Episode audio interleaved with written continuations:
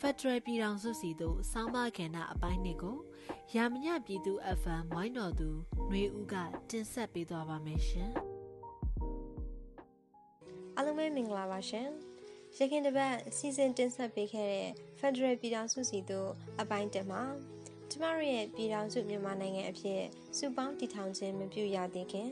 ကချင်ချင်းရှမ်းကရင်နီခေါ်ကရားလူမျိုးများဟာ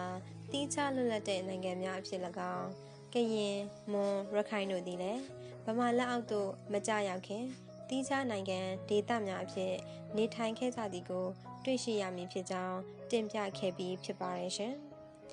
ဒီတစ်ပတ်မှာတော့1948ခုနှစ်ဖေဖော်ဝါရီလ12ရက်နေ့တွင်ချုပ်ဆိုခဲ့တဲ့ပင်လုံစာချုပ်အဖြစ်မဖြစ်ပေါ်လာခဲ့သဖြင့်လူမျိုးအသီးသီး၏လွတ်လပ်ရေးကြိုးပမ်းမှုအခြေအနေအရရက်ကိုတင်ပြပေးသွားပါမယ်ရှင်။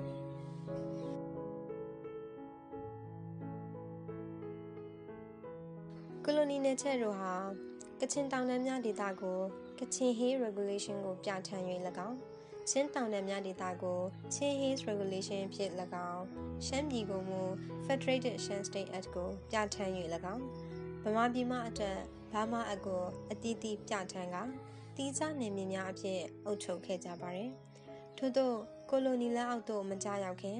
ကချင်လူမျိုးများနဲ့မြန်မာပြည်များရဲ့ဆက်ဆံမှုအခြေအနေများကိုဥစွာတင်ပြလိုပါတယ်။ မြန်မာပြည်များသည်ကချင်လူမျိုးများကိုခေတ်အဆက်ဆက်အုပ်စိုးနိုင်ခဲ့ခြင်းမရှိခဲ့ပါ။တကောအာနာကြီးမားလှသည်ဟုဆိုရမည်မြေများလက်ထက်တွင်မူပင်လေ။အေယာဝတီမြေကြောင်းရေကြောင်းခရီးဖြစ်တဆလင်အထက်သို့ဗမော်ကောင်းတုံအထိကုန်းလန်းခရီးဖြစ်ဆိုလင်မိုးညင်းမိုးကောင်းအထိသာအာဏာပြန့်နှံ့ခဲ့ပါတယ်။မျိုးစားများထားလေးရှိသော ထိုခေတ်အခါကရင်းမြို့နယ်မျိုးစားများသည်လည်းရှမ်းဗမာများသာဖြစ်ခဲ့ကြပါတယ်။ ထို့အပြင်မင်းဆက်တိုင်းလည်းထိုဒေသများကို အုပ်စိုးနိုင်ခဲ့ခြင်းလည်းမရှိခဲ့ပါ။သို့သောကချင်လူမျိုးများသည်မြမဘရင်များရဲ့ဩဇာခံမဟုတ်တော့ညာလည်းပဲမြမဘရင်များနဲ့လက်တွဲကအရေးကြီးသောစစ်ပွဲများတွင် အတူပူးပေါင်းတိုက်ပွဲဝင်ခဲ့ကြပါတယ်။ဥပမာဆိုရတော့မြမအာသန်စစ်ပွဲ အင်္ဂလိပ်မြန်မာပထမစစ်ပွဲများ၌မြန်မာဘက်စစ်သူကြီးမဟာဗန္ဓုလာနှင့်အတူထိတ်ဆုံးမှနေ၍တိုက်ခိုက်ခဲ့သူများထဲတွင်ဦးကောင်းနယ်ကချင်ဒူဝါတအုပ်ဖြစ်သည့်ဒိုင်ဖာဒူဝါနှင့်ကချင်စစ်တီတော်အမြောက်အများပါဝင်ခဲ့ကြတာကို ကြည့်ရှုသုံးသပ်နိုင်ပါတယ်။ဒိုင်ဖာဒူဝါသည်တီဟဒူရာပွဲမှစ၍လက်ရကျော်တင်ပွဲများအထိရရှိခဲ့ပါတယ်။၎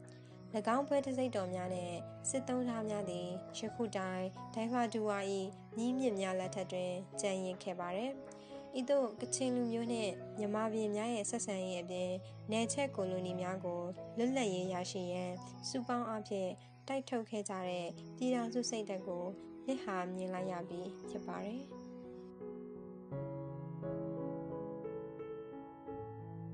အချက်ပမာပြည်ကိုအင်္ဂလိပ်တို့သိမ်းပြီး၍ မြစ်ဖြာသို့ခြေတက်ရတခြားအင်္ဂလိပ်တို့ဟာကချင်မျိုးချစ်တပ်မတော်များရဲ့တိုက်ခိုက်မှုကိုခံရပြီး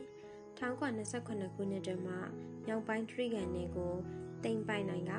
ကချင်နှင့်အင်္ဂလိပ်တို့စစ်ပွဲလည်းပြီးဆုံးခဲ့ပါတယ်။အင်္ဂလိပ်ခေတ်ပြီး၍ဖက်စစ်ဂျပန်တပ်တို့ဝင်လာတဲ့အခါ1942ခုနှစ်မှာလဲကချင်ပြောက်ကြားတပ်များရဲ့အစွမ်းစားကိုဂျပန်တပ်များမခံနိုင်သည်ကိုသမိုင်းမှတ်တမ်းများကအလီလီအထွေထွေ ပြဆိုခဲ့ကြသည်ပင်ဖြစ်ပါရဲ့ရှင်။ထို့သောလူမျိုးအသီးသီးကွဲပြားစွာဖြင့်ကချင်သည်၎င်းရှမ်းသည်၎င်းချင်းသည်၎င်းကိုလိုနီနယ်ချက်ကိုစန့်ကျင်တော်လှန်နေခဲ့ရမှလွတ်လပ်ရေးရရှိမိအချိန်ပြည်ထောင်စုအဖြစ်မွေးဖွားမိမိအချိန်သို့ရောက်ရှိခဲ့နေပြီ ထိုအချိန်က1948ခုနှစ်အောက်တိုဘာလတွင်မိုင်းပွန်စော်ပါကြီးဆက်ဆန်ထွန်းရဲ့မဟာဒေဝီအတုပအခမ်းအနားသို့အနေနဲ့အရရမှစော်ပါကြီးများတက်ရောက်လာခဲ့ကြတဲ့အခါပင်ဖြစ်ပါတယ်ထိုစဉ်စော်ဝါများကကမ္ဘာအခြေအနေဗမာအခြေအနေများကိုဆွေးနွေးကြရင်မိမိတို့ရှမ်းပြည်လဲအနာဂတ်အတွက်မြေတို့ဆောင်ရွက်ကြမည်ကိုထည့်သွင်းစဉ်းစားရန်အချိန်ရောက်နေပြီဆိုတဲ့အကြောင်းသဘောပေါက်ခဲ့ကြပါတယ်။ ယခုကဲ့သို့ရှမ်းပြည်ရှိစော်ဘွားများကရှမ်းပြည်လိုက်ပွန်စော်ဘွားကြီး၏မဟာဒေဝီအတုပအခမ်းအနားတွင်1945ခုနှစ်အောက်တိုဘာလတွင်ကနဦးစော်ဘွားများစူးစီးမိကြတဲ့ကဲ့သို့ဗမာပြည်မှတွင်လည်းဖဆပါလာအဖွဲ့ချုပ်ကလည်းပထမအကြိမ်ညီလာခံကို1946ခုနှစ်ဇန်နဝါရီလ18ရက်နေ့မှ23ရက်နေ့အထိရွှေရကုံအလဲပစ္စည်းအတွင်းကျင်းပခဲ့ကြပါတယ်။ ထိုပထမအကြိမ်ဖာစာပါလာညီလာခံကိုရှမ်းပြည်လူငယ်များအဖွဲ့ကိုယ်စားလှယ်များကထိုစဉ်ကအုပ်ချုပ်နေသောအင်္ဂလိပ်များမသိအောင်တိတ်တဆိတ်ခိုး၍တက်ရောက်လေ့လာခဲ့ကြပါတယ်။ထိုတက်ရောက်လေ့လာခဲ့ကြသောရှမ်းပြည်လူငယ်ကိုယ်စားလှယ်များမှာကိုတင်အေကိုစံဖော်ကိုခွန်တီကိုဘတင်ကိုအုံးဖေကိုအေးကျော်ကိုတူတကိုတန်းဖေကိုထွန်းမြင့်တောင်ကြီးကိုမြမင်းတို့ဖြစ်ကြပါတယ် မဟာဒေဝီအတုပအခမ်းအနားရှိစော်ဘွားကြီးများအလုံးကမိုင်းပွန်စော်ဘွားကြီးအားရှမ်းပြည်နိုင်ငံရေးအတွက်နီလန့်ရှာဖွေရန်တာဝန်ပေးခဲ့လိုက်ပါတယ်မိုင်းပွန်စော်ဘွားကြီးက1946ခုနှစ်ဇန်နဝါရီလ31ရက်နေ့မှာရှမ်းပြည်စော်ဘွားများကောင်စီရှမ်းစတိတ်စော်ဘွားကောင်စီအစည်းအဝေးတရက်ကိုကျင်းပရန်မိုင်းကင်မျိုးမိုင်းကင်ဟော်သို့ဖိတ်ခေါ်ခဲ့ပါတယ်။ ရင်းမိုင်းကင်မျိုးစော်ပွားကြီးများအစည်းအဝေးမှာစော်ပွားများဆွေးနွေးကြရမှာလာမည့်မက်လာတွင်ကြာရောက်မဲ့လဲချနယ်ပင်လုံမြို့ဖရာပွဲတွင်ရှမ်းပြည်နယ်လက်မှုပြပွဲတရက်ကျင်းပရန်ဆုံးဖြတ်ခဲ့ပါတယ်။ကုန်ကြစိတ်များကိုလဲချစော်ပွားကြီးမှတာဝန်ယူခဲ့သည်။ရှမ်းပြည်နယ်လက်မှုပြပွဲဟု အမည်တက်ခေါ်တော်လဲရှင်းပြပွဲသို့ဘူကျော်အောင်ဆန်းနဲ့ဖဆပလာကောင်းဆောင်များဗမာပြည်မှမှအခြားနိုင်ငံရေးကောင်းဆောင်များတောင်တန်းဒေသမှကချင်ချင်းကရင်နီခေါင်းဆောင်များကိုလည်းဖိတ်ကြားခဲ့ပါသဖြင့်နိုင်ငံရေးအသွင်လက္ခဏာအပြည့်အဝဆောင်ပါတယ်ရှင်းပြပွဲကိုအခြေတည်၍ပင်လုံမြို့မှာကျင်းပခဲ့တဲ့ထိုအချိန်နီလာခံကိုပထမပင်လုံနီလာခံဟုအမည်ကမွန်းတက်ခေါ်ဝေါ်သတ်မှတ်ခဲ့ကြပါရဲ့ရှင်။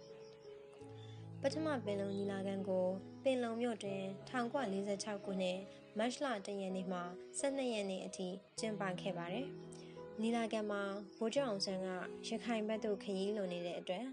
ဗိုလ်ချုပ်အောင်ဆန်းကိုစားဥနုဥပချံမမ်းမခိုင်ဥပအေးတထုံဦးလှဖေးအပြင်ဂလုံဦးစောလည်းတက်ရောက်ခဲ့ပါတယ်။ညီလာခံအတွက်ရှမ်းပြည်မှဥထွန်းမြင့်လင်းခေ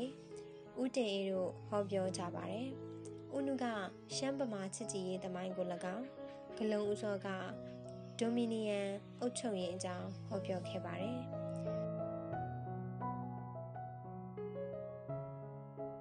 အခုနားဆင်ခဲ့ကြရတာကတော့ကျမတို့ပြည်ထောင်စုနိုင်ငံတော်ကြီးတီထောင်တမှုပြုစင်မတိုင်ခင်ကာလလူမျိုးအသီးသီး၏ဒေသအခြေအနေနိုင်ငံရေးအခြေအနေများအနက်အချို့ကိုဒေါက်တာစလိုင်းလျက်မျိုးစာခေါင်းရေးသားခဲ့တဲ့ပင်လုံကတိကူအများစာအုပ် 1990ရွေးကောက်ခံပြည်သူ့လွှတ်တော်ကိုယ်စားလှယ်ခွန်မတ်ကိုပန်းရေးသားခဲ့သော21ရာစုပင်လုံစိတ်သက်ဖော်ဆောင်ရေးမှသည်စစ်မှန်သောဒီမိုကရေစီဖက်ဒရယ်ပြည်ထောင်စုတည်ဆောက်ရေးစီသို့စာအုပ်ခွန်ဦးရယ်ပင်လုံလက်ဆွဲပြုစုရေးအဖွဲ့ကောင်းဆောင်ပြုစုထားသောပင်လုံလက်ဆွဲစာအုပ်အင်တာနက်စာမျက်နှာများပေါ်တွင် အဖွဲ့အစည်းများမှရေးသားချက်များကို ထုတ်နှုတ်သုံးသပ်တင်ဆက်ပေးခဲ့တာပဲဖြစ်ပါရဲ့ရှင်။နောက်ပတ်တွေမှာလည်းပြည်တော်စုရဲ့အနှစ်သာရပင်လုံစာချုပ်အကြောင်းစုံကိုဆက်ပြီးတင်ဆက်ပေးသွားမှာမို့စောင့်မျှော်အားပေးကြပါအောင်ရှင်။